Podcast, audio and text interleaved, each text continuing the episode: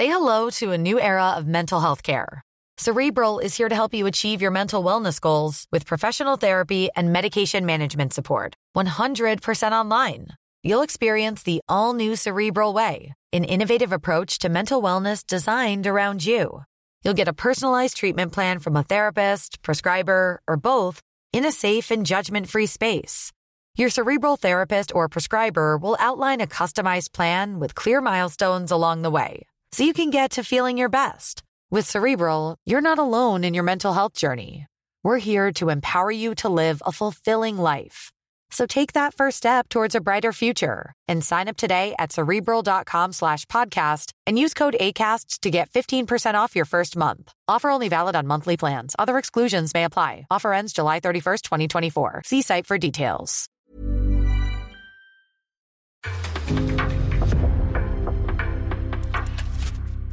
En podcast från Aftonbladet.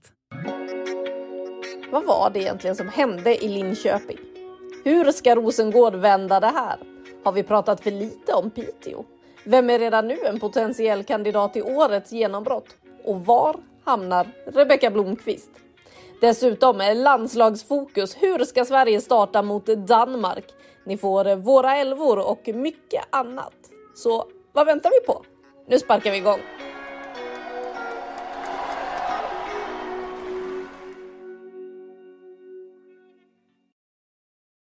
Strax. Alla har bandning igång. Bra, bra. Ja, då säger vi hej och välkomna till en ny vecka, ett nytt avsnitt av eh, FAM+. Det blir eh, såklart en hel del om damallsvenskan, men eh, också givetvis mycket landslag som vi pratade om förra veckan. Och med vi så menar jag såklart mig, Anna Rydén och med mig via Plays experter Saga Fredriksson och Per Lagerström. Vi gör ju den här podden ett samarbete mellan Sportbladet och Viaplay. Och Per, eh, om vi börjar med dig då, hur är läget? Man säger ju alltid läget är bra, men jag tycker att det är bra. Man, var, man är frisk och kry och, och um, solen skiner och våren eh, kommer liksom. Så att eh, jag är på bra humör. Det ska bli kul att prata fotboll. Du, eh, vi har ju videosamtal här. Det är en husvagn bakom dig. Vad är det som sker? Ja, men jag tänker att vi ska försöka ta det här till Det är just det, ni ska inte veta allt som sker. Utan vi får se om vi inte är riktigt överens om allt idag. Det händer lite oväntade grejer. Så jag, jag har tänkt till. Vi måste väl också lägga till att först och främst kom du in i ett helt annat samtal på vår gamla eh, grupp som vi hade på Messenger. Och nu sitter du här och bara, ah, men jag byter, jag kommer, jag, vad sa du ens? Jag bara, jag hoppar in där och så helt plötsligt kommer det upp en, en husvagn bakom dig. Det är ju helt fantastiskt. Alltid på tårna. Ja, oförutsägbar. Det kan hända vad som helst idag känns det lite som. Saga, hur är det med dig då? Ja, men du, det är bra. Apropå eh, haveri har vi inte ens gått in på, men mitt liv som haveri får jag nog säga. För att jag kom hem två i natt. Um, jag har varit på äventyr i Tyskland. Um, på ett event som heter Women's Football Expo där jag jobbar som moderator. Och det är ju ett, eh, ett nätverksevent egentligen för storklubbarna i, i världen får man nog säga nu. För nu hade vi någon från USA också som eh, joinade in och eh, otroligt givande såklart. Vi var på eh, i München, Bayern München campus som också var otroligt imponerande att se. Men det är egentligen alla beslutsfattare i, i, eh, i de här storklubbarna som samlas och nätverkar och får möjlighet att och både byta liksom. Droppa några klubbar till. Idéer. Det var ju riktigt häftiga klubbar. Ja, men det. PSG var där, eh, Aston Villa var där, Hammarby var där, till och med Djurgården var där med representant. Så att det här är ju liksom verkligen toppklubbarna runt om. Washington eh, Spirit heter de väl, va? Om jag inte säger helt fel här nu. Rodars senaste klubb. Ja, men exakt. Så att det här är ju liksom människor som är i beslutsfattande positioner att kunna ändra och påverka damfotbollen på ett positivt sätt och att de då också kan samverka och lära sig från varandra är ju otroligt mäktigt ärligt talat. Så att, att få vara med som en liten moderator där på kanten, det känns ju jätte, som ett privilegium rent ut sagt. Men jag kom hem väldigt sent, vaknade väldigt sent stack iväg till gymmet väldigt sent och så har jag en väldigt ful ovana då att Dels är jag lite klumpig. Jag spiller ju kaffe en hel del för de som, som känner mig, men jag har också en tendens att glömma nycklar när hemma. Just nu är mellanlandar jag hos min syrra nämligen, för jag ska flytta i maj till min nya lägenhet. Och eh, som sagt, jag lämnar nycklarna hemma för jag vet att det alltid är någon som kommer vara hemma. Så när vi då ska ha möte här nu 15.30 när vi spelar in så inser jag att jag är inte säker på att jag har nycklarna med mig och syrran träffar jag på stan. Så att den ångesten vänner, när jag inser att jag kanske inte ens kommer in och kan sätta mig och börja jobba med er här. Men tack och lov så var nycklarna med mig. Så det har varit lite rörigt, men väldigt härligt och väldigt underhållande att eh, leva livet som Saga Fredriksson de senaste dagarna. Skönt för dig ändå. Du var ju också den som faktiskt var här i tid. Som Jag vet. Av alla, så. Nej, Men jag levererar ändå, man ska ha lite press på sig, då, då, då kommer det. Men Anna, du har ju varit hemma. Ja, eh, det har jag ju faktiskt mellanlandat i Växjö några dagar på resande fot och sådär. Fått eh, vara hemma och fira det som så att just nu när vi spelar in idag så fyller faktiskt min pappa 60. Eh, så jag kan ju passa på att säga grattis till honom.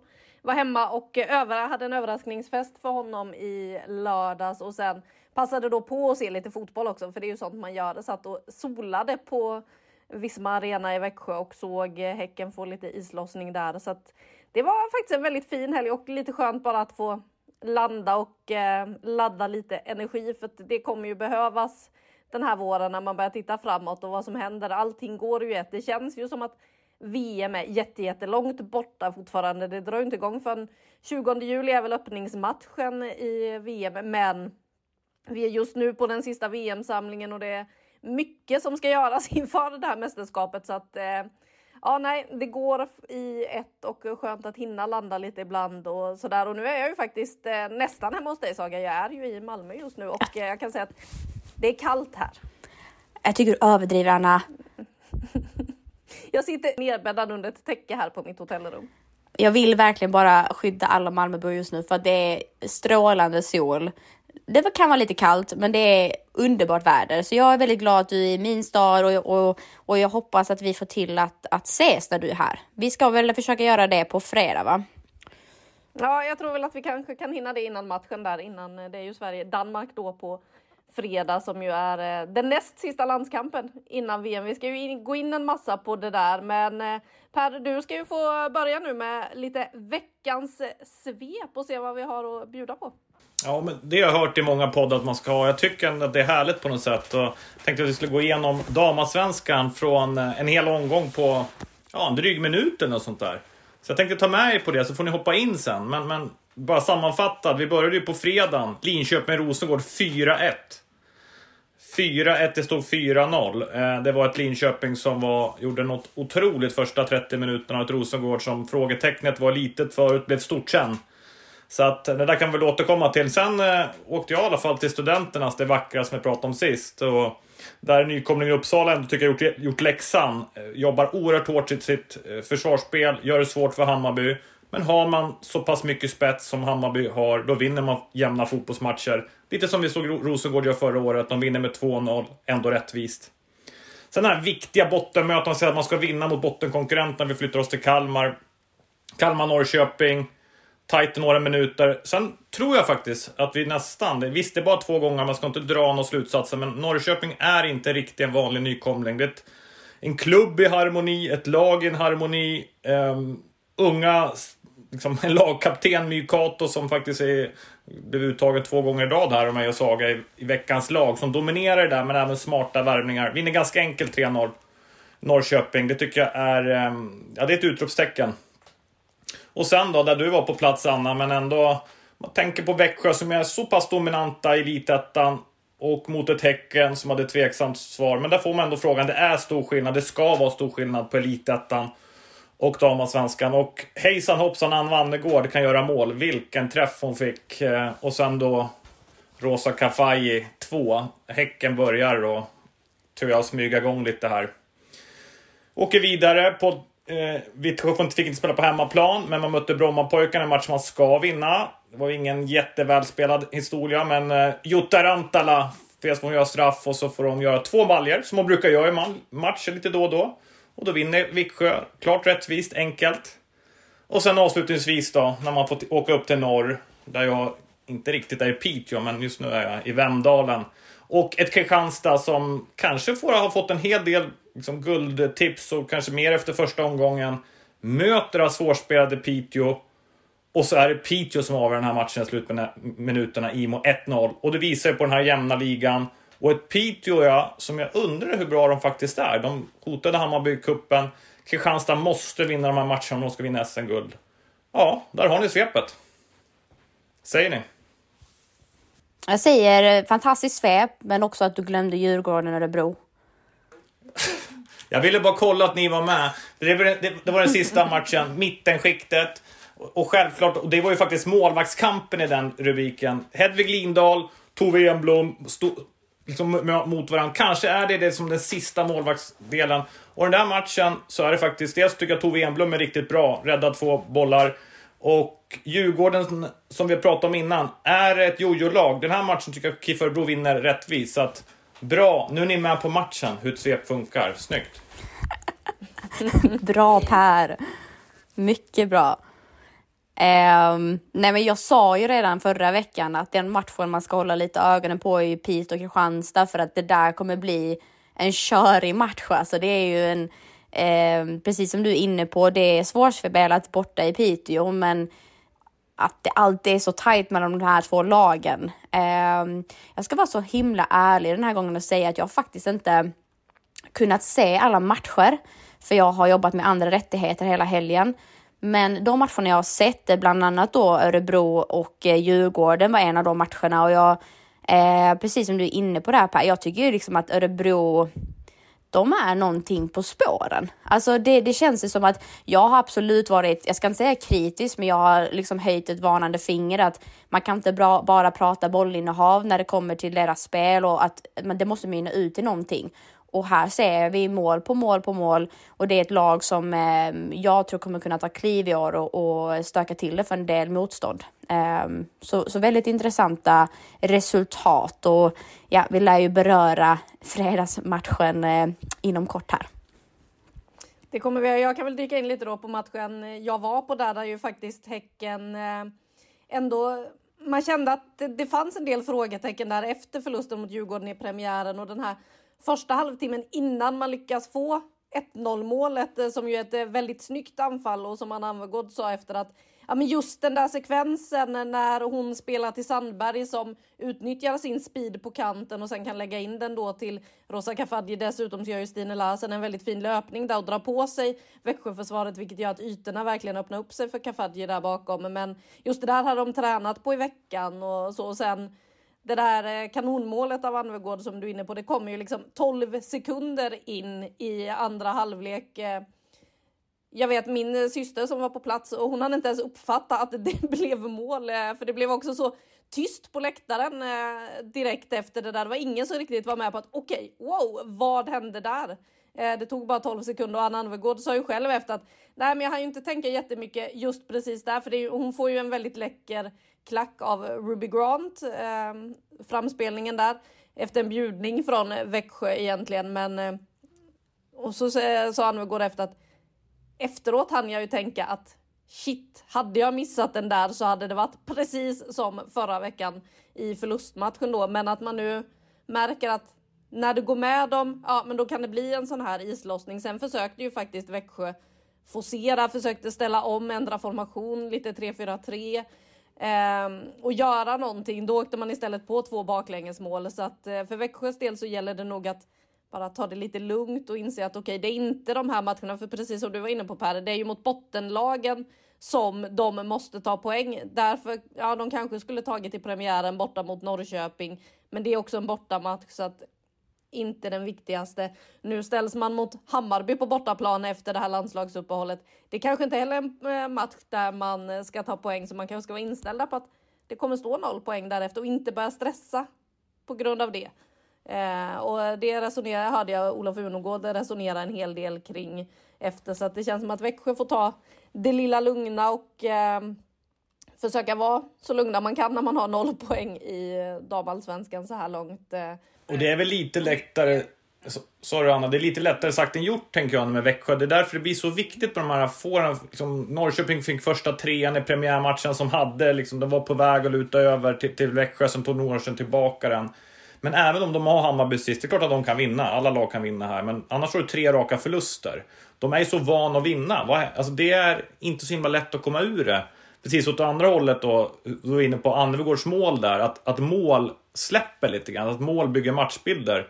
Sen tycker jag hon är så himla skön, Anna Almegård. Det säger väl någonting om hennes potential. Och säger att den där bollen, tänk om jag hade missat den. Alltså det är en halvvolley, stenhårt i tag. Alltså, det är inte så att det är ett friläge, ett öppet mål som, som man ska sätta dit.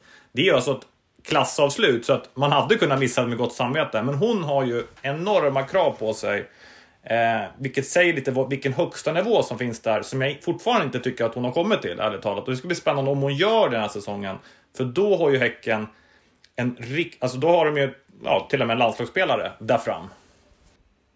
Men jag tänker också på det, vi var inne på det lite förra veckan tror jag med, med Norrköping och att de faktiskt står inför antingen så om man vänder det till ett väldigt svårt spelschema för att det är viktiga poäng att ta. Men vinner man dem så är man ju, då har man ju fått det här momentumet som alla pratar om och som man vet själv som spelare är så himla värdefullt. Men då precis som ni är inne på, Växjö som är så vana vid att vinna, att få den käftsmällen. Det jag vet med Växjö efter att ha pratat med just Unegård att de har jobbat så himla mycket på mentalitet kring just de här bitarna. Att vara ödmjuka, vara eh, stöttande till varandra, att man vänder sig till gruppen snarare än att man pekar finger när det går dåligt. Så att det finns ju någonting väldigt bra hos deras, i deras kärna att, att kunna hantera motgångarna. Men sen är jag ändå inte säker på, för det här är elitspelare som är tävlingshungriga och vill vinna. Jag har så svårt att tro att man bara så här, shake it off, vi förlorar mot Häcken med 4-0. Ojsan hoppsan, det är klart som tusan att de inte tänker så. Så att eh, jag tror ju Norrköping egentligen hade en fördel av att ha liksom sina toppkonkurrenter får man väl säga i ligan så här de första fyra omgångarna. För då blir man ju, får man ju blodad tand, man vill gå vidare, de hade hemmaplan första matchen med det, den uppbackning som de hade. Så att eh, vilken skjuts Norrköping har fått. Sen har de ju genomfört det på ett bländande sätt. Alltså 3-0, det skojar man ju inte bort. Och Mykato som du var inne på Per, det är ju en spelare som verkligen har rise to the occasion, alltså verkligen en spelare som börjar njuta av att spela fotboll på toppnivå. Hade det lite hackigt på vägen i, i Linköping framförallt när hon var där uppe i, i 2021. Men nu, nu är hon ju så given. Eh, så apropå att ta kliv, ni pratar Anna Anvegård, men tänk en mykat om ett år. Ja, och det känns ju som att hon också växer med den här rollen som kapten som hon har fått eh, inför den här säsongen. Det skulle ju inte förvåna mig om en spelare som Mikato finns med när vi ska summera den här säsongen som en av dem som kan eh, utses till årets genombrott den här säsongen om hon fortsätter på den här vägen. Men eh, en grej som jag tänker på också där med Växjö som jag kommer att tänka på nu Saga, när du pratar lite om det här med tävling, alltså att de är tävlingsmänniskor sådär. En eh, tydlig signal som man ser där, det är ju till exempel Evelyn EJ som inte riktigt har kommit till sin som inte får de här bollarna att jobba på i boxen och då börjar hon överarbeta i försvarsspelet. Helt plötsligt ser man henne väldigt mycket längre ner i banan. Hon droppar, hon vill bli involverad i spelet, för hon blir inte det där längst framme på samma sätt som hon blev i elitettan. Och de där tendenserna, ja men det måste de ju lyckas skaka av sig. Man måste lyckas komma till lägena så att IJ får bollarna i boxen istället och kan utnyttja därifrån. Så att, äh, det blir intressant att se hur de använder det här landslagsuppehållet till att bygga vidare på och eh, ett annat lag som har stuckit ut också får man ju säga som du var inne på Saga där med Piteå. Att de trots att vi har ju pratat om att det är så många andra lag som är uppe i toppen i den här serien som där det vimlar av landslagsspelare och så vidare. Här har vi ett hårt arbetande lag som kan ställa till det för uppenbarligen vilket lag som helst. Ehm, har vi pratat för lite om Piteå inför den här säsongen eller vad, vad säger ni? Bra fråga. Um, ja, men för lite och för lite. Jag tror snarare det är att nu kanske jag är färgad för att jag dras till annan typ av spelstil. Eller alltså tänket kring hur man spelar fotboll och sådär. Så det är väl det. Jag tycker Piteå är så imponerande för att de kan sin identitet. De har byggt ett lag baserat på eh, en viss metodik. De har valt spelare utifrån det. Och det är, om man nu ska jämföra det med typ ett Premier League-lag, ta Brentford. De jobbar, det är inte exakt samma, men de jobbar ju också med att verkligen eh, vara extremt duktiga i försvarsspel och omställningar. Piteå jobbar inte omställningsspel på så sätt, men det, de är ju extremt duktiga försvarsmässigt och bara det faktum att nu förra året så tycker jag väl någonstans att det inte alltid mynnar ut i att de vann matcher. De kunde stöka till det absolut, men, men nu den här starten de har fått så har de tagit viktiga poäng mot viktiga motståndare. Det är inte bara att man har gjort det mot eh, de lagen som ligger under. Så att det är kanske så att de är en, det har varit en sovande björn. En sovande björn som kommer vakna till liv och vi kommer alla sitta där och tänka hmm, ja det är kanske som du säger Anna. Vi kanske har pratat om dem för lite för vi har inte tänkt på att de ligger där och morrar. Jag, jag, jag, tror fortfarande kanske inte att de räcker till Champions League, men med det sagt, med den här truppen, att de har då liksom fyra poäng. Det är ändå, det är kort kvar, men det, det är matchen som sådan. De har gjort mål mot Rosengård och Kristianstad, båda matcherna. Fotboll handlar om att göra mål. De ändå, visst, de har gjort ett, men de, de gör mål. De har också, försvarsspelet var inne på Saga, helt, det är ju briljant, alltså hur de organiserar sig, hur de pressar, var de vinner bollen. Men det är också andra detaljer, alltså egentligen alla detaljer i fotboll. Fasta situationer, alltså hur, alltså hur de sätter in nyförvärven. Eriksdotter, de har ju värvat till Kristianstad som stora stjärnan. Sätter de in Tuva Skog som de har plockat så, på bänken. Alltså de, man måste ge en eloge tycker jag, till ledarteamet och ställa Karlsson i spetsen. Och, och Beta med all rätt ska få enormt mycket beröm. Men de är nästan Stellan han varit så nästan lika länge. Det är ett eh, starkt, starkt ledarskap som jag är imponerad över. Ja, som ofta hyllas av spelarna som har varit där. Eh, jag menar, jag minns när jag pratade med Madeleine Janogy i höstas eh, och hur hon lyfte hur mycket han har betytt för hennes karriär och att bara få komma tillbaka dit och landa efter hela smällen i Wolfsburg. Att det är en liksom, tränare som är bra på att få spelarna att känna modet igen, att våga ut och spela så som de kan spela och faktiskt lyfta spelare för spelare. Det tyckte jag var väldigt intressant att höra den enorma hyllningen som Stellan ändå fick där.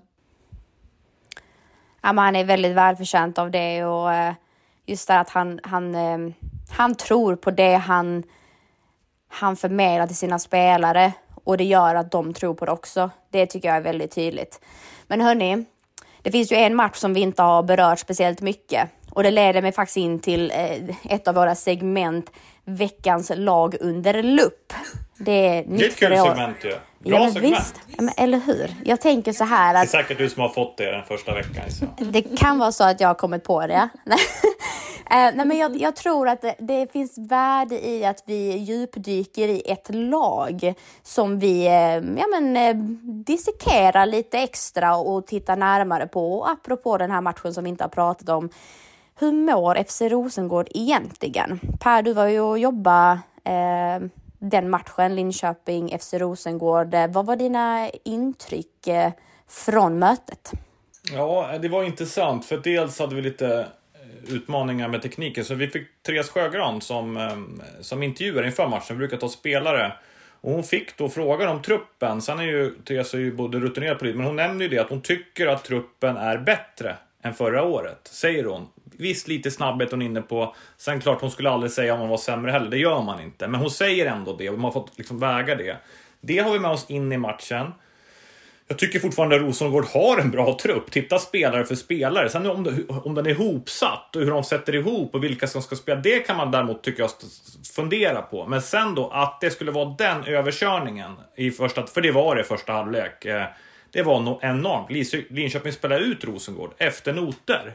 Så att det, det, det, är klart att det frågetecknet blev väldigt stort. Och sen efter matchen, otroligt besvikna såklart Rosengårdsspelare. Både ledare, eh, Sjögran, Emma Berglund, eh, René Slegers bara läser en artikel liksom och pratar det. Nej, alltså en premiäromgång, men läste någonstans om de haft 13 matcher och, och, och två vinster eller någonting sånt eh, om man räknar alla träningsmatcher här. Frågetecknet är jättestort och, och frågan är hur de ska ta sig ur det här, för det är inte givet för mig. Men vad tyckte du om själva matchbilden? Var, såg du någonting som du kände så här, det här står ut eh, i Rosengårds spel som gör att Linköping blev så övermäktiga till slut, de där första 30?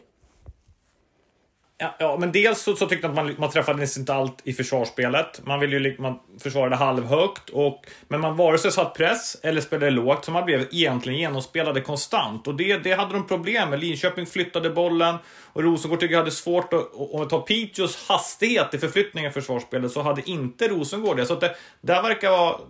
Det, det stämde inte alls. Men sen så tar du ju även anfallsspelet eftersom man inte har snabbhet och har ingen Mimmi Larsson att trycka ner bakom backlinjen även fast de vill ha bollen. Då, då har de inte ens någon utgång i, i anfallsspelet. Så då måste de spela lagdel för lagdel. Men Linköpings då, liksom markeringsförsvar. Även Caroline Seger, vi har hyllat henne och man ska hylla henne. Hon hade ju enorma problem i speluppbyggnaden, även hon. Och det är ju också ett problem, så att de hade ju jättesvårt att, att komma till offensiv planhalva. Vilket också är bekymmersamt. Så att, sen är det en match, men, men de, nej, jag, jag såg största problemet för försvarsspelet, men också då hur ska de, om spelet inte stämmer, hur, vad har de för plan B? Den var väldigt svår att se tycker jag. Mm. Men Anna, du, du har ju stenkoll på typ alla lagen och om du skulle titta på Rosengårds trupp, tycker du att de har värvat tillräckligt? För Per är inne på det här, de har tappat snabbhet och de har kanske nischat in sig på mer tekniska spelare. Vad, vad ser du när du tittar på truppen och värvningarna? Samtidigt man får ju in speed i en sån som Emilia Larsson som man har plockat in från Hammarby som ju kom in, eh, var en av dem man bytte in i den här matchen. Men eh, det som jag väl kanske framförallt saknar och har saknat i Rosengård, eh, det är ju den här utpräglade målskytten, den som kan vinna skytteligan. För att jag undrar om det inte var Olivia Skog som fick den frågan i samband med förra landslagssamlingen så här att eh, ja, men vem kommer ta hem skytteligan då? Och hon slänger inte upp någon direkt ur sitt eget lag utan börja tänka och känna att hmm, ja, men vem blir det egentligen? Jag kommer inte ens ihåg vad hon svarade till slut, men där sitter ju samtidigt då liksom så här. Ja, men John Andersson kliver upp, svarar direkt Madeleine Janogy. Madeleine Janogy svarar direkt eh, Maika Hamman och alltså där märker man att där finns det självförtroendet. Det finns inte riktigt hos Rosengård känner jag där och att man inte har lyckats hitta den. Sen är ju det givetvis den positionen som kostar absolut mest att värva på och svårt att hitta den klockrena. Alltså Rosengård har ju försökt eh, under de senaste fönstren men inte riktigt lyckats träffa rätt. Så just där så finns det ju en del att fundera på. Och jag var faktiskt på Malmö IP idag och såg eh, Rosengård, eller det lilla av Rosengård som just nu finns eh, att träna. De har ju eh, otroligt mycket spelare ute på olika landslagsuppdrag, eh, både i Sverige och utomlands. Så att det var inte så många som var på plats, eh, men pratade då med Therese Sjögran som ju också jag gillar ändå inställningen och attityden de har just nu som är att eh, så här, ja, jo, men det är klart att det finns en del saker som man skulle kunna skylla på som att de spelade Champions League länge, fick eh, en, har fått en annan ingång i den här säsongen med att de var lediga då i januari när alla andra började växla upp, eh, kom in senare i säsongen. Eh, sådana omständigheter och ja, annat, eh, lite skadeproblem och så vidare. Men hon säger att det finns ingenting att skylla på att vi ser ut som vi gör mot Linköping. Det är inte, eh, det är inte okej okay för Rosengård att se ut så som man gör i den första halvleken. Och hon är också inne på att hon aldrig har sett dem se så dåliga ut som man gjorde under den utan att då eh, hon är tydlig med att påpeka också att hon vill inte ta någonting från Linköping och den insatsen de står för, för de gör ju en väldigt, väldigt fin första halvlek där. Men nej, hon var förvånad och är inne på att det här måste vända. Det måste vända nu. Men med tanke på vad man då såg på träningen idag med, med de få som finns där och som just nu kan jobba på det. Sen visst, det kan säkert vara bra för dem att en del får lämna den här miljön lite, komma in kanske med positiva känslor från sina landslag sen in i det här. Men de har alltså bara en träning tillsammans innan matchen mot Djurgården, för de spelar ju nästan eh, redan nästa match på fredagen. Spelarna kommer tillbaka till eh, klubben på onsdagen, så torsdag, det är den enda träningen nästa vecka som laget har tillsammans inför en så viktig bortamatch som den mot Djurgården. Så det ska bli väldigt intressant att se den matchen och hur Rosengård uppträder där. Eh, de ska ha gått igenom hur det här ska, eh, hur de ska vända det här, men hur gör man det egentligen när laget inte är samlat? Jag känner att det finns många frågetecken kring det här och det blir intressant att se om frågetecknet blir större efter nästa match eller om man kanske lyckas krympa det lite. Men nej, det här. Det finns mycket frågor i Malmö just nu. Ja, men tänk då om Djurgården också replikerar det de gjorde mot Häcken på hemmaplan. Ehm, så du är inne på någonting väldigt intressant där, Anna. Just med hur snabbt ska de få ihop det här och sadla om egentligen. Det leder mig också till en tanke kring Loretta Kulashi. Alltså det här är en spelare som jag kanske snarare ser i en 10-roll än att vara nummer 9 striker. Jag tyckte hon hade väldiga problem med just det felvända spelet mot en Emma Östlund som flög upp i ryggen på henne så fort bollen kom upp. Um, jag tycker inte, jag vet inte vad ni säger, men Kulashi, ska hon verkligen vara nia? Nej, alltså då, om man skulle vara typ nia är jag absolut inte. Däremot så vi är ju ganska populärt på de här falska niorna, alltså en, en nian som, som kommer droppande. Men då har du ju oftast, liksom, det, då kanske Emilia Larsson som du är inne på annars bör spela, men även en Olivia Skog på andra sidan. Men Olivia går ju ganska brett, så de, de, men då behöver de tråka också i sådana fall en offensiv mittfältare, alltså någon av tiorna måste gå i djupled om Loreta Kulashi ska vara där uppe. Men det hade varit intressant och jag tror att hon hade varit väldigt bra av någon ytterligare person som ligger längst fram, som sträcker på backlinjen, som skapar ytor för henne. För att hon, när hon väl får bollen är hon ju otroligt skicklig. Det är bara att hon får lite för sällan i matcherna och kanske ganska långt ifrån eh, Ehm, från straffområdet, tyvärr.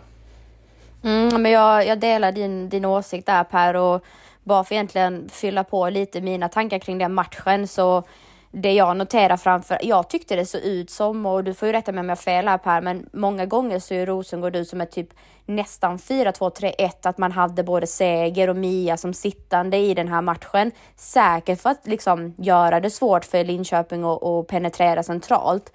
Men problemet som uppstod, precis som du sa, att man då med Kulashi på mittplan ungefär utan att kliva in i någon press. Varken nästa linje heller. Vad hade vi där? Det var, måste ju varit Skog, Holt var nummer 10 och sen på höger hade vi Sofie Bredgård. Det var liksom ingen tillstymmelse till någon aktiv press där. ett av målen kommer alltså från en genomskärare rakt igenom Alltså de två, ja det blir ju tre led egentligen. Kulashi, trean och sen då eh, både Seger och Mia. De kom in bakom där alldeles för ofta. Och jag tror att det som jag reflekterar mest över när det kommer till Rosengård, hur de spelar, att de har ju tagit in spelare som funkar när de har övertaget eh, med position, eh, vad säger man, possession, alltså bollinnehavet som ska vara framåtlutade, som ska vara på offensiv planhalva. Men när de ska, precis som du sa också, att när man ska markera eller försvara på egen planhalva och ställa om och behöva knacka lagdel för lagdel, det tog för lång tid och det var ingen som pep iväg i djupled. Det var ingen Holt som drog iväg bakom Kulashi när hon droppade. Skog var långt ifrån. Ibland var hon nere i backlinjen och såg som, det såg ut som en fembackslinje ibland. Eller, alltså det var mycket, mycket märklig eh, syn. Och som Therese Sjögran var inne på, jag tror faktiskt aldrig jag har sett Rosengård så oorganiserade. Eh, jag, jag, var lite chockad, eh, samtidigt jätteimponerad av Linköping. Ehm, jag måste säga de Jong, verkligen, jag måste verkligen säga det, för jag har kritiserat henne, inte kritiserat henne, men jag har kritiserat att man sätter henne som wingback. För jag tycker inte där hon kommer till sin rätt. Men i den här matchen så lös hon. Jag tyckte hon har kommit, hon har hittat sitt sätt att bygga wingbacken runt sina kvaliteter och framförallt i den här matchen när hon fick vara mycket mer framåtlutad, fokusera på att liksom flyga fram och kombinera. Det, det syntes att aha, här, här ska hon vara. Så att eh, hatten av till henne, vilka kliv hon har tagit sedan bara förra året. Gott, men vi har, det var ändå intressant då. Jag, jag tror som du är inne på, nu var det ju Rosengård som var under lupp, men, men Linköping var nog alldeles extra. Och jag tror att vi även, alltså anfallsspelet har ju varit lite styltigt för Rosengård hela vägen. Det här försvarsspelet är inte så många lag som, som tror jag som Linköping som kan klara det här. De har ju också ett enorm rörelse utan boll och spela på ett tillslag. Så att de bör ju, tycker jag, kunna vinna eh, mot Djurgården. De är storfavoriter fortfarande. De kommer säkert eh, de kommer komma på över halvan. Eh, men de sagt, för Rosengård, det där anledningen vi pratar om det här, måste sätta det liksom som... Det är att för Rosengård är det bara SM-guld så länge. Det är den... Det är det som är jämförelsen. Det är det de behöver klara av. Och det man såg i den här matchen är de ganska långt från den formen. Sen som sagt, de, eh, de behöver också hitta sätt att vinna fotbollsmatchen även mot Djurgården och den blir ju oerhört viktig. För att, liksom, att förlora mot Linköping, en match är en match. Man blir utspelad och United förlorar mot Liverpool. Det är storlag och Bayern München och Barcelona på damsidan. Alltså det kan hända massa resultat en match. Men skulle de tappa poäng mot, mot Djurgården, då vrids den här temperaturen upp ännu mer. Så den blir ju superintressant att kolla på. Ja, det blir den. Och Sjögran var ju inne på det här också, att liksom, ja men Linköping borta, det är en match som ja men den kan man förlora. Sen så ska man inte, om man heter FC Rosengård, kunna förlora den på det sättet som de gjorde den. Eh, men också att i den här, för något år sedan, ja men då hade du inte haft råd med de här missarna i början som Rosengård har nu. För hade man tappat eh, de här poängen inledningsvis, ja men då hade chansen till SM-guldet varit borta redan nu. i år så går vi in i en damallsvenska där det kommer vara fler tapp av den här typen. Det kommer vara fler lag som åker på lite oväntade förluster. Det är fler lag som kan utmana varandra så att det är nog rätt år att få den här starten och eh, i, eh, här nere så pratade man ju också lite då om att men, vi hoppas ju att det ska bli en väldigt lång säsong eh, så att eh, det kanske är bra att kunna stöka av det här redan i början och så får vi se hur långt det räcker. Och det är ju bara att kolla på, jag menar jag var ju som sagt på Växjöhäcken då. Samtidigt så spelades ju Piteå och Kristianstad. Så att när jag sa till Anna Anvegård efter där att bara, ja nej men de förlorade ju Kristianstad borta i Piteå så bara va? Oj, det hade jag inte hört än. Eh, alltså de här olika eller poängtappen kommer ju komma för de topptippade lagen under seriens gång. Så att vi lär väl prata om det här många gånger framöver i podden skulle jag tro. Ska vi ta oss vidare till det som gör att jag är i Malmö nu, nämligen eh, landslaget. Och vi pratade ju redan förra veckan om att okej, okay, startelvan, den ska vi gå igenom. Så Per, du som har suttit och skrivit ner din startelva här nu lite snabbt, vill du börja med hur Sverige ska starta mot Danmark eller hur du tror att de startar mot Danmark? Ja, men jag tror att de, eller jag tror de startar, jag tror de startar med Falk. Hon har gjort det innan. Det blir signal annars. Jag, eh, om Seshira startar, men jag tror Falk startar. Eh, vi tar back, jag brukar säga alltid backlinjen från vänster, men vi tar, eller från höger, men vi tar den från vänster. Jag tror det blir lättare. Jag tycker man spelar någon, någon form av 4-2-3-1 eller 4-3-3 har väl Sverige som formation på siffrorna. Så John Andersson, Magdalena Eriksson, Nathalie Björn och så Hanna Lundqvist till höger. I klassisk fyrbackslinje. Så får Angedal och Ruben hantera mitten med Aslani framför. Det är tre man mittfältare och spetsen där. Och så har du Blackstenius, Rolfe, Rytting, Kaneryd. Det här är en bra elva. Oj, oj, oj. Den här kan inte skjuta ner. Ja, jag ska bara lägga, eh, liksom, eh, förklara hur jag tänkte när jag satte min elva. Det här är inte vad jag tror kommer hända. Det här är vad jag gärna vill se, bara så att vi är väldigt överens om det. Um, och det här är inte genomtänkt utifrån att uh, det är dags att testa hit eller dit. Det har bara gått på feeling. Vad jag känner att form spelar roll och det hade varit kul att se det här. Så att jag och Per är för en gångs skull väldigt eniga om en backlinje i svenska landslaget. Det är Jonna Andersson, det är Magdalena Eriksson, Nathalie Björn och Hanna Lundqvist har även plats på min högerbacksposition. Falk i mål. Um, jag har däremot valt att eh, köra en sittande i Elin Rubensson och skojar till det med två tior eller åttor, vad du nu vill kalla det. Aslani Janogy. Badumdish. Och till vänster har vi Rolfö. Till höger har vi Kaneryd. Men min striker, det är en tremålsskytt i Wolfsburg. Det är Blomqvist. Vad säger ni om den?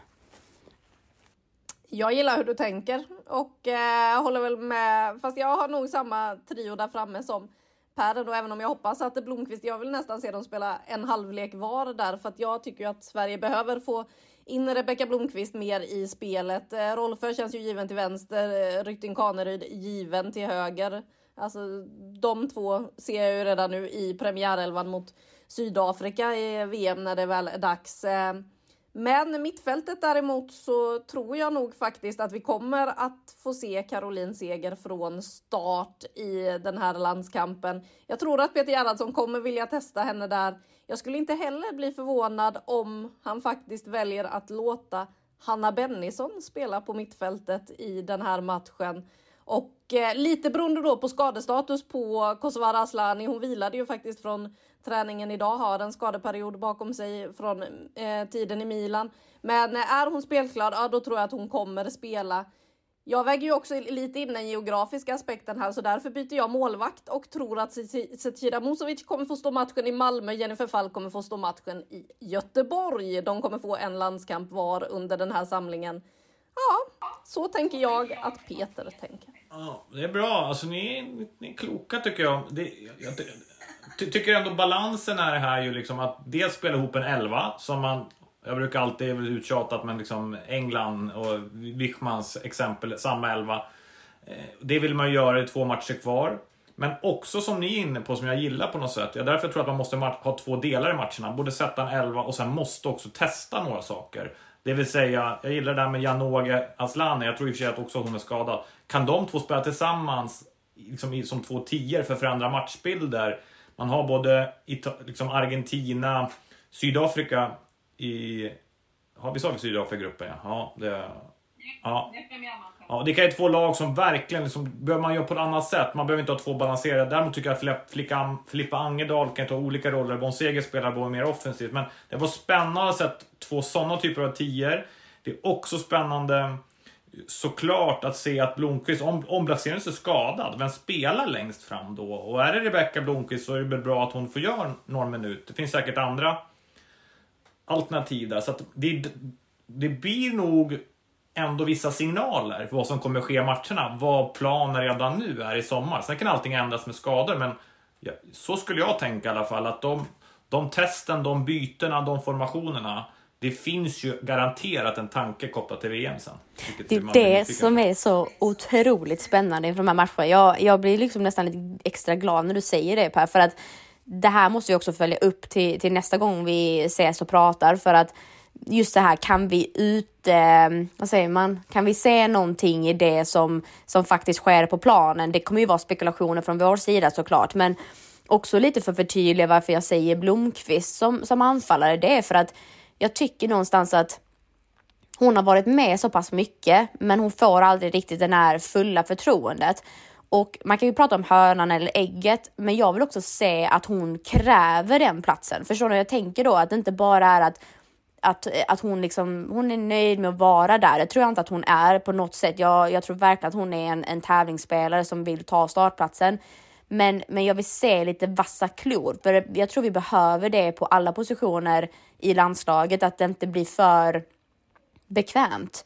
Eh, det behöver alla lag, så det är väl därför jag säger det framför allt att sen tror jag också någonstans att Blackstenius eh, behöver förtroende. Eh, jag tycker att det har varit viktigt för henne att, att som nu i matchen i helgen så är hon del av det här, en vändning som, som Arsenal gör mot City där hon på, på sitt sätt lyckas skapa fram en, en eh, målchans som blir väldigt avgörande för matchbilden och det, det är viktiga aktioner som hon gör och eh, de behöver det momentumet. Så jag tror ju och jag, jag skulle bli mer chockad om hon inte startar någonting annat. Men jag säger ändå att jag vill se konkurrens på den positionen, för jag tror att båda spelarna hade mått väldigt, väldigt bra på det eh, utifrån det. Eh, och sen lite det här med Asllani Janogy. Eh, ja, är inte Asllani tillgänglig, då är det ju väldigt svårt att spela henne. Men den kombinationen mellan de två, att se dem kunna hitta ett, ett eh, kortpassningsspel som kommer utmana, de har bra fart båda två. Och eh, som sagt, Rubensson vill jag ska bli en given spelare. För vi pratade lite också om stommen Per. Att vi också måste eh, lite adressera vem egentligen stommen är för att man kan inte göra för många förändringar. Du var också inne på det att vi, vi behöver någonstans spela in en elva som vi kan se oss framför oss i ett eh, eventuellt mästerskap, inte eventuellt mästerskap, mästerskapet kommer ske, men det kommande mästerskapet. Eh, men snarare så här, vem är givna? Och de här andra som kryddar, det kan ju förändras beroende på vem vi möter. Men om vi ska utgå från stommen, vad, vad säger ni om det? Vem, vem är givna i den här elvan och vem laborerar vi med? Ja, det är Anna får svara på. Du har sagt en seger. Det, det trodde man ju. Nu är det bara för jag har sett senaste matchen här mot Linköping så blev man, blev man ju jätteorolig helt plötsligt. Men ja, vad säger du Anna? Seger? Är hon given? Det är väl lite upp till bevis eh, för eh, Caroline Seger att visa att hon kan komma tillbaka till den där nivån där hon verkligen styr och ställer och dirigerar det här. Men man har ju också sett hur mycket hon betyder för det här landslaget genom åren med sin pondus, sin ledarstil. Eh, det är många som höjer rösten så fort man säger att Caroline Seger är given i det här landslaget. Jag vet inte hur många gånger när vi var iväg i England i somras som den frågan kom upp när vi hade chattar och sådär inför matcherna. Så bara, men hur kan Caroline Seger spela? Hon hänger ju inte med. Da, da, da. Alltså då är det ju folk som inte ser allt det hon gör på planen och hur hon styr spelet, hennes speluppfattning, inte ser det där. Men hon måste bevisa det och en av anledningarna till att jag inte har med Elin Rubensson som jag ju tyckte verkligen spelade in en plats under hösten. Det är ju att hon faktiskt inte har anlänt till samlingen ens än utan kommer nu. Det har varit sjukdom i familjen tror jag det är som har hållit henne utanför eh, och som gör att hon, hon kommer in sent i det här nu. Jag tror absolut att hon kommer spela matchen mot Norge, men att man kanske då väljer att testa något annat i den här matchen. Så att seger bör ju vara given om hon kommer tillbaka till sin form, hinner hitta dit innan. Men det är ju många månader kvar. Det är många matcher i damallsvenskan att jobba med för att få upp matchtempot och allt det här. Det är ju det hon har saknat lite. Eh, men hon behöver förtjäna sin plats som given igen. Eh, förra sommaren när folk frågade, då hade jag ju svarat klockrent att ja, ja, Caroline Seger är given. Vi sätter henne först på planen. Sen kan vi börja sätta resten av laget runt där. Men eh, nej, det, det är lite sådär. Det känns inte som att det är jättemånga som är givna. För mig är yttrarna givna i, alltså, i offensiven med Rolfö och Rytting Kaneryd. De känns ju givna. Filippa Angeldal har ju också, om man ser till Peters eh, historik här, ja, varit given och Nathalie Björn lär väl vara given som mittback. Men vem ska hon spela med? Nu får ju Magdalena Eriksson speltid i Chelsea igen. Det ska bli intressant att se de två möjligtvis då tillsammans, för det är ju så också att på mittbackspositionen så har ju Sverige en hel del problem inför den här samlingen. Amanda Ilestedt gick sönder förra landslagssamlingen i matchen mot Kina. Eh, Linda Sembrant eh, såg vi för första gången idag. Eh, det är inte svårt att se henne på planen just nu kan jag säga. Svart stor mask eh, i hela ansiktet efter då näsoperationen. Men det visar ju också att eh, hur hård hon är som spelade vidare matchen med bruten näsa ehm, och numera då har opererat. Så att jag tror inte att vi får se henne från start heller här utan att det verkligen blir Magdalena Eriksson och Nathalie Björn som får chansen tillsammans och man vill ju ha ett samspelt mittlås som ger trygghet där längst bak så att man har en centrallinje som man känner att man kan lita på när vi kliver in i VM i sommar eller vad känner ni? Jo, alltså jag håller helt med. Jag, jag, tror att det finns, alltså min bedömning, rätt eller fel, jag, tror, jag tror, tycker ändå att Magda, Magda och Björn tror jag är givna hos landslagsledningen. Angeldal också, Rolfö också, Aslan är faktiskt också om hon är hel och Blackstenius. Alltså där, och kanske och även John Andersson ska gissa. Så det är, väl, det är inte så många positioner som ändå är, li, som är liksom redo. Utan jag tycker stommen känns ganska klar. Däremot så här, hur ska, du, hur ska stommen bli komplett? Det är ju mer osäkert än någonsin. Högerbacken, Glas har inte ens eh, jag har gjort en match. Jag gissade att kanske Amanda Ilestedt kommer att spela en högerback, alltså så de vrider så att även om det är en fyrback eller treback svaret är båda. Amanda spelar där hon vill vara på plan på fasta. Det är min gissning om hon blir frisk. Sen som sagt, Ruben eller kommer Seger tillbaka, då tror jag inte Rubensson spelar. Då, då är det backup liksom. Man måste ha en sån roll. Däremot har ju Rytting inte varit på något sätt given för det här landslaget någon gång hittills. Det, är liksom, det blir någon form av kvitto. Ehm, och så har vi Hurtig då som, som inte ens trupperna. Så att, äh, det, det, är väldigt klurigt med de sista. Jag tror ändå att liksom, de, de jag nämnda, de kommer nog se en elva även i VM. Mm, ja, men jag, jag är med på mycket ni säger, men om jag tänker bara spontant. Eh, Stomme för mig är så här spelare som kommer starta oavsett vad som händer. Ehm, eh, och oavsett egentligen vem man möter. Så egentligen i det så skulle jag säga att Jonna Andersson för mig har blivit en så självklar spelare. Eh, jag har hållit henne utanför vissa spekulationsälver tidigare för något år sedan. Men för mig nu så, jag gillar att ha fel. Så att eh, hon har verkligen bevisat mig vara så ute och cykla och jag tycker hon är supergiven. Eriksson, trots allt, jag skulle tycka det var märkligt om hon inte var på planen. Och det är väl någonting med det där att oavsett lägsta nivå i en match eller att man, låt säga att man, nej vänd på det. Oavsett eh, hur jobbig en match kan vara och hennes lägsta nivå är så pass hög trots allt. och Hon har en, en trygghet, hon har ett ledarskap, precis som Seger. Så där för vi mig vidare till nästa spelare som jag tycker är absolut given eh, i, när hon är fullt frisk. För det, det tycker jag ändå vi ser att det är, det är en bit kvar tills hon är på, på full nivå och det får vi ha respekt för med tanke på hur lång den frånvaron har varit. Aslani kommer vara given. Jag skulle verkligen ha svårt att säga att han, Gerhardsson då, skulle bänka Aslani vid något tillfälle om hon är fullt frisk. Eh, och Angeldal skulle också för mig vara en given spelare. Så som ni hör, det är inte alla de spelarna jag har satt i min elva, utan snarare spelare som jag gärna vill se bryter sig in och visar att hallå, glöm inte mig. Men om vi ska vara riktigt ärliga, de, ska, de kommer inte bänka An, eh, John Andersson, de kommer inte bänka Magda, Seger, Aslani om de är fullt friska och Angeldal om hon är helt redo så vi kan väl sammanfatta att vi har ju en stomme. Och det har även, vi har en stomme, landslaget har en stomme. Det handlar ju om att krydda ju och, och se de sista delarna. Och att den här stommen är skadefri hela vägen in. Um, och då blir det spännande att se då, för det är ju spännande, mm, två ganska roliga matcher ändå. Uh, kommer få jobba lite, uh, gissar jag. Det kommer vi. Och uh, vi möter ju ett par eh, ansikten som vi känner igen. Eh, om vi tänker efter. Jag tror jag räknar till, om jag inte är helt ute och cyklar, i danska laget här nu, det är ju minst 12 spelare har spelat i damallsvenskan.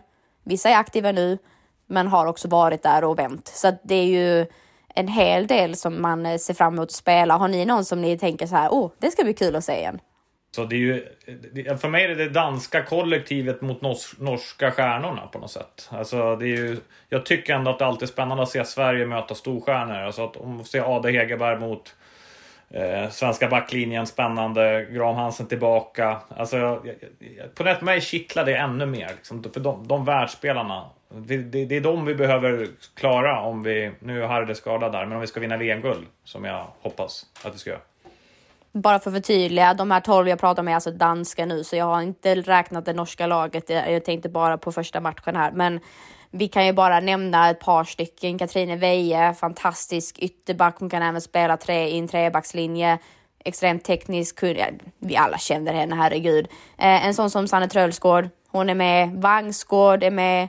Eh, vi kommer se Olivia Holt, vi kommer se Larsen, Bredgård det är ganska välkända namn i damallsvenskan som kommer härja här i Malmö mot vårt svenska landslag. Så att alla de här spelarna tror jag kommer... Eh, det kan ju vara en fördel att man känner dem så väl, men det blir också lite rivigare och det är ju alltid trevligt för oss som tittar på. Ja, vi vet ju att en spelare som Sanne Trölsgård lägger inga fingrar emellan i dueller. Så att, eh, nej, det kommer bli en härlig match att se och det ska bli intressant att se under de här två matcherna. Det kommer vi kunna diskutera lite nästa vecka kring liksom, vad finns det då för möjligheter att ändra matchbilder? Vad gör Peter för drag för att ändra? Och till nästa vecka så ska vi också diskutera frågan som eh, diskuteras varje landslagssamling numera vem är första målvakt? Eh, vi tittar på de här två matcherna och ser om eh, det blir något svar på den frågan och eh, ni kan ju också fundera på huruvida ni tycker att Sverige ska ha en uttalad första målvakt och efter de här två matcherna, vem är första målvakten när vi sparkar igång VM då? Om vi ser till form och läge just nu, för visst, det kommer kunna hända saker på månaderna fram, men vem är första målvakt? Det diskuterar vi nästa vecka, för nu ska vi lämna landslaget och avsluta med en liten snackis och då kan vi väl eh, snacka lite om kontrakt och eh, så vidare. Det har ju varit så att eh, fönstret i damallsvenskan har stängt och när vi ändå är inne på Norge, Julie Blackstad kommer till Häcken. Saga, din spontana reaktion på att hon nu lånas in till Häcken? Ja, men jättespännande spelare. Um, hon fick en del speltid när, när Lauren Hemp gick sönder i, i, under säsongen och alltså gjorde verkligen inte bort sig. Uh, det här är, hon spelar i City såklart. Um, det sa du kanske till och med, men nu sa jag det igen. Men oavsett, det här är alltså en, en otroligt eh, driven spelare, vill framåt, eh, tuff i sin spelstil, men väldigt tekniskt skicklig. Jag känner ju att hon kommer krydda Häckens trupp något enormt. Eh, om ni sa att de har redan fått en islossning mot Växjö så, eh, så kommer det här vara en spelare som bidrar till den där offensiven. Jag tycker hon har en beslutsamhet, eller det jag har sett av henne så har hon det och jag tycker ibland att Häcken kan behöva det. De spelar fin fotboll, de har många som vill nästan så att de passar hellre än att göra det själv man saknar ju lite Kaneryd i den truppen ibland, att hon, hon, eh, hon skiter i passningen, hon kör själv. Jag tror att vi kan få lite det här modet av, av Blackstad i, i Bäck och Häcken, så att eh, vilken toppvärvning eller inlåning det faktiskt kommer bli. Hyfsad signal också att, vi plock, att klubbarna, storklubbarna plockar från den hyllan ändå. Så att som sagt, hon har ju spelat många matcher i City och VM-slutspel och sen går man från City till, till Häcken. Dels är det en signal för att Storklubbarna ser på damallsvenskan, skickliga tränare varit inne på välorganiserad lag, många jämna fotbollsmatcher, spelare utvecklas, man kan gå från damallsvenskan till en toppliga. Så att bara instämma. Sen får vi en storlek. Alltså jag gillar på något sätt också, om man ser den moderna fotbollen, både liksom storleken i fysiken i fasta situationer, maxfarten, hur mycket hon kan springa. Ehm, ja, eh, Häcken vill ha lite... Han sa att de hade varvat några spelare med fart. Nu får de en till med fart. Eh, det blir nog nyttigt det. Ja, och eh, om vi ska diskutera det här som vi har varit inne på lite. Det finns ju en spelare som eh, aviserade här nu eh, under landslagssamlingen att hon inte blir kvar. Det har ju spekulerats kring det tidigare att det inte blir någon förlängning för Rebecka Blomqvist i Wolfsburg. Nu bekräftade hon det själv. Hon själv sa också pumpades lite här på liksom, ja men vad vill, vad vill du gå nu då? Vad vill du ha? Vad är viktigt för dig? Och hon sa att ja men det är mycket så här under de här två och ett halvt åren med den träningsmiljön som har varit i Wolfsburg så känner hon ju såklart att hon har utvecklats en hel del, men nu måste hon få spela igen. Det är det hon saknar. Hon måste till en klubb där hon får speltid. Så var vill ni se Rebecka Blomqvist eh, när den här Wolfsburg-sessionen är över? Vill och vill, men jag tror att en klubb som verkligen, verkligen skulle behöva Rebecka Blomqvist, det är de nämnda Rosengård. Tänk få det, det speeden längst fram, det anfallsvapnet, den personligheten i det här laget. Det hade varit optimalt. Jag bedömer ändå dock att Rebecka Blomqvist, som kommer ändå från Wolfsburg, trots att inte att spela, är lite för bra för damallsvenskan. Jag skulle gissa på en VSL-klubb och det är i sig också ganska roligt. Mm, det är verkligen eh, oklart var hon kommer hamna. Jag, jag vet att det har spekulerats, precis som, som ni Per säger, i Rosengård, men även då Bäck och Häcken. Och, eh, det är ju jättesvårt att säga såklart, men jag kan nog vara enig och säga att hon kanske nog inte riktigt är klar utomlands. Men om hon kommer tillbaka och väljer, säg Häcken över Rosengård, det, då är det tufft. Det, då, då tror jag att mitt tips faktiskt går igenom det här året, att, att Häcken blir vinnare. Men eh, som Per är inne på, Rosengård är i behov av en tydligare anfallare. Eh, och som du också sa innan Anna, att det, det är ju faktiskt den positionen som som man fortfarande undrar om de kommer plocka in något mer på under sommaren. Så att eh, återstår att se och ytterst spännande. Ja, vi får väl se var hon landar och eh, som sagt Rosengård behöver det där. Men eh, man ska också tänka att eh, den där sommarvärvningen, ja den kanske inte gör så stor skillnad i det damallsvenska perspektivet. Det är 17 omgångar redan spelade när vi kommer till sommarfönstret med tanke på att vi har VM och sådär. Men eh, hörni, vi har också pratat på en bra stund nu. Eh, det börjar väl bli dags att runda av och ladda för de här matcherna. Det är alltså Sverige mot Danmark först ut i Malmö. Sen är det Sverige mot Norge i Göteborg eh, som vi har att se fram emot under det här landslagsuppehållet innan damallsvenskan ju är tillbaka nästa vecka. Det kommer vi prata massa mer om då och djupdyka i vad som har hänt under de här matcherna. Det ska bli otroligt kul. Eh, hörni, tack för den här veckan. Tack själv. Tack och bock. Våra plus då? Just det, 5 plus. Saga, den hade du ju tidigt här. Du delar ut 5 plus idag. Okej, men då blir det till Olga Ahtinens eh, bakåtskruvade bollar, för det finns ingen som slår dem som hon gör i damallsvenskan. Underbart. Så där säger vi då på riktigt tack och eh, hej för den här veckan. Och så hoppas jag att eh, vi hörs igen nästa vecka. Då blir det alltså en hel del om eh, det svenska landslaget, landskamperna, men också vad som har hänt i andra landslag. För det är ju inte bara Sverige som spelar under det här landslagsuppehållet. Så hörni, ha det fint så hörs vi om en vecka.